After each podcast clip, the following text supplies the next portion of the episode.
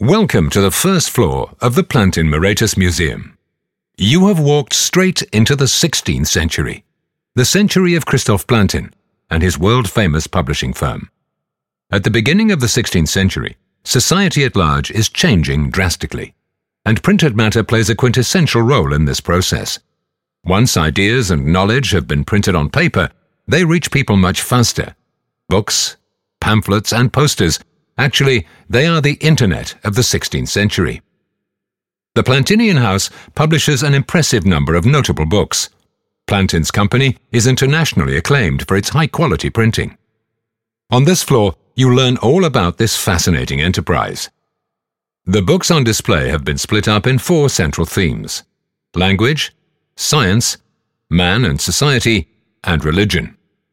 You will also walk through some splendid historical rooms the library, the foundry, and an authentic 18th century drawing room. In these rooms, people lived and worked for more than 300 years. We wish you an enchanting discovery tour.